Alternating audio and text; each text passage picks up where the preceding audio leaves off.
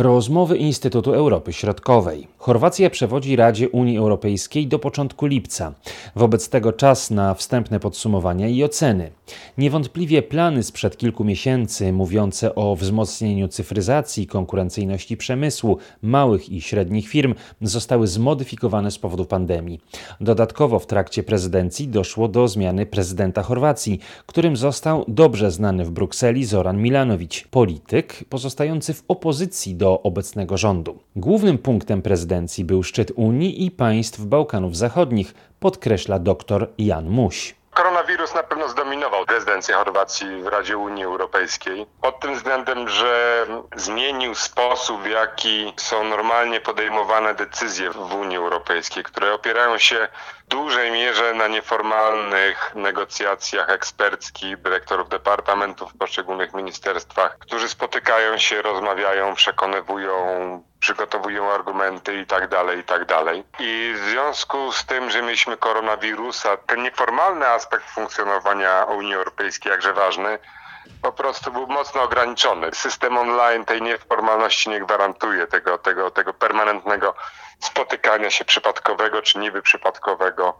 gdzieś na korytarzach, na lunchach, na kolacjach i rozmawianie, ucieranie wspólnych stanowisk. Można powiedzieć o, o mniejszej skuteczności oddziaływania na poszczególnych polityków, prawda? Dokładnie, dokładnie. Więc można powiedzieć, że to integracja europejska, także proces rozszerzenia Unii Europejskiej, ale cała integracja europejska była pchana powiedzmy siłą rozpędu. To znaczy wiadomo było, że żadne większe decyzje na forum Unii Europejskiej nie da się, nie da się tutaj wy, wypracować, czy będzie bardzo ciężko wypracować. Dlaczego tego przykładem jest, jest szczyt w Zagrzebiu Unia Europejska, Bałkany Zachodnie, gdzie tak naprawdę podsumowano, ponowiono te, te, te zapewnienia o, o przyszłości europejskiej państw Bałkanów Zachodnich o tym, o potrzebie prowadzenia reform, natomiast nie było żadnych, żadnych konkretów. No tak, no ale mimo wszystko to y, też jasny i czytelny sygnał, że Unii Europejskiej zależy na tych państwach, no jakby stara się zabezpieczać własne interesy, biorąc pod uwagę aktywność Chin. To jest taki paradoks, że wpływy chińskie i rosyjskie,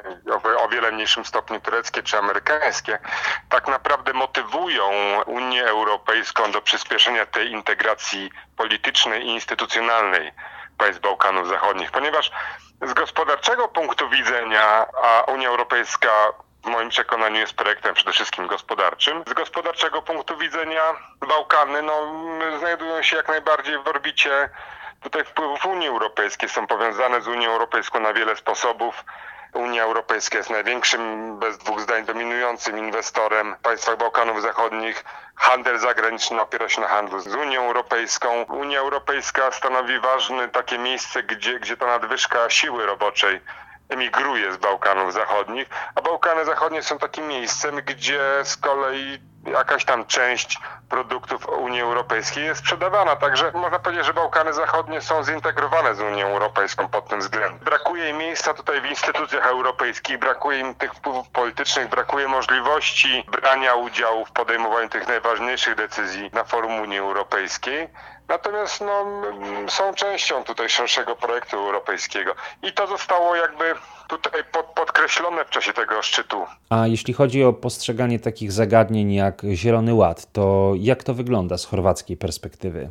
Chorwacja dużą wagę przykładała do Zielonego Ładu, do tej nowej inicjatywy Komisji Europejskiej i to jest ta e, różnica między nami a Chorwacją tak naprawdę. Republika Chorwacji dużo bardziej optymistycznie spogląda na propozycję Komisji, wierząc w to, że Zielony Ład, stawianie na innowacyjne technologie, na zielony rozwój, na zrównoważony rozwój, na, nowe, na, na digitalizację umożliwi Chorwacji jakby dojście do, do średniej europejskiej. W Chorwacji powtórzenie tego, co się stało w Polsce w, latach 90. i 2000, kiedy doszło do, doszło do akumulacji kapitału przy odpowiednich układach międzynarodowych i rozwój e, wielu polskich firm, które dzisiaj z powodzeniem konkurują na rynkach europejskich, jest niemożliwe w Chorwacji, gdyż Chorwacja jest krajem małym po prostu. Takie firmy jak PESA czy Solaris, które produkują tramwaje, pociągi, autobusy i tak dalej, tym podobne rzeczy,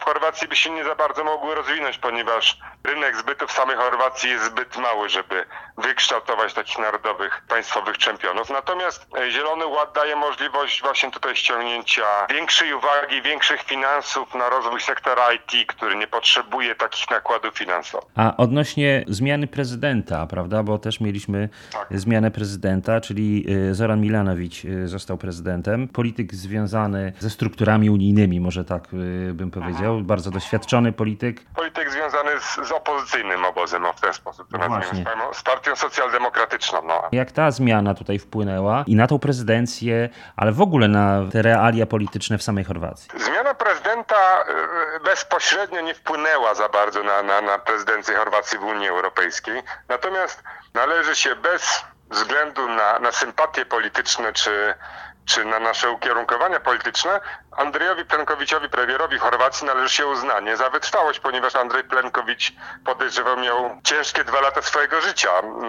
Yy, może być może najcięższe dwa lata swojego życia teraz przeżył, ponieważ w zeszłym roku jego partia doznała porażki w eurowyborach do Parlamentu Europejskiego.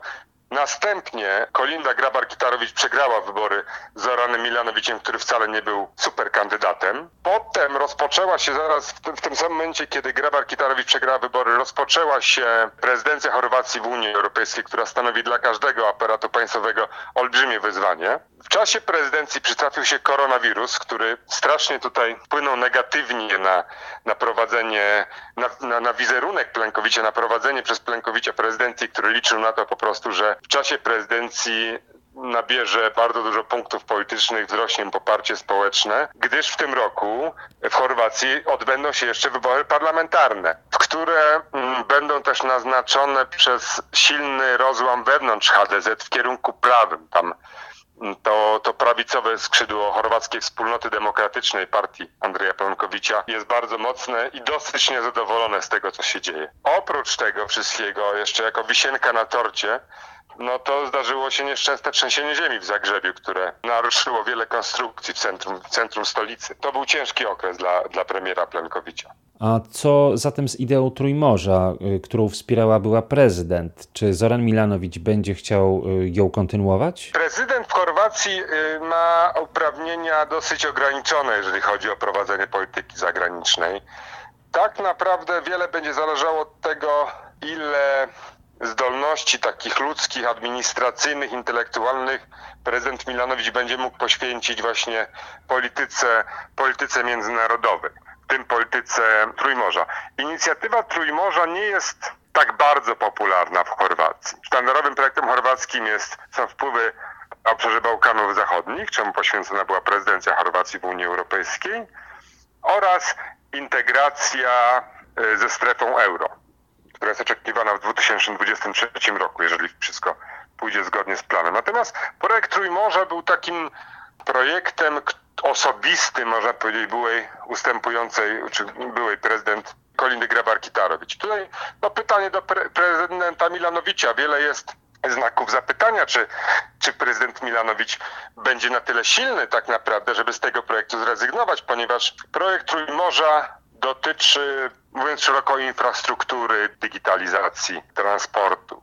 Także to nie są rzeczy, które budzą jakieś kontrowersje, to nie są kwestie światopoglądowe, to nie jest kwestia, to nie są, to nie są rzeczy, które odnoszą się na przykład do roli, roli kościoła w społeczeństwie, który, kwestii, która budzi, budzi kontrowersje, czy to w Chorwacji, czy w Polsce, czy, czy roli banku centralnego, czy reformy prywatyzacji, czy nieprywatyzacji służby zdrowia, czy reformy edukacji. Ta krytyka Zorana Milanowicza wobec projektu Trójmorza była elementem kampanii wyborczej. Te najmocniejsze i najsłabsze strony tej prezydencji. Najmocniejszą stroną na pewno był fakt z mojej perspektywy, patrząc, że tak wysoko na agendzie cały czas udało się utrzymać kwestię rozszerzenia Unii Europejskiej, że mm, kwestia Bałkanów Zachodnich cały czas gdzieś się pojawiała, że nie znikła w otchłani koronawirusa, Brexitu. Drugim sukcesem jest na pewno zapewnienie tej pomocy, dodatkowej pomocy materialnej dla państw Bałkanów Zachodnich.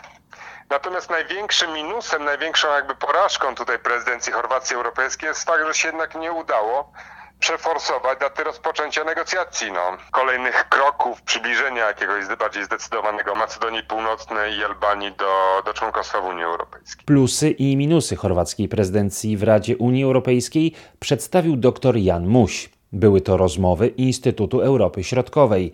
Marcin Superczyński, do usłyszenia.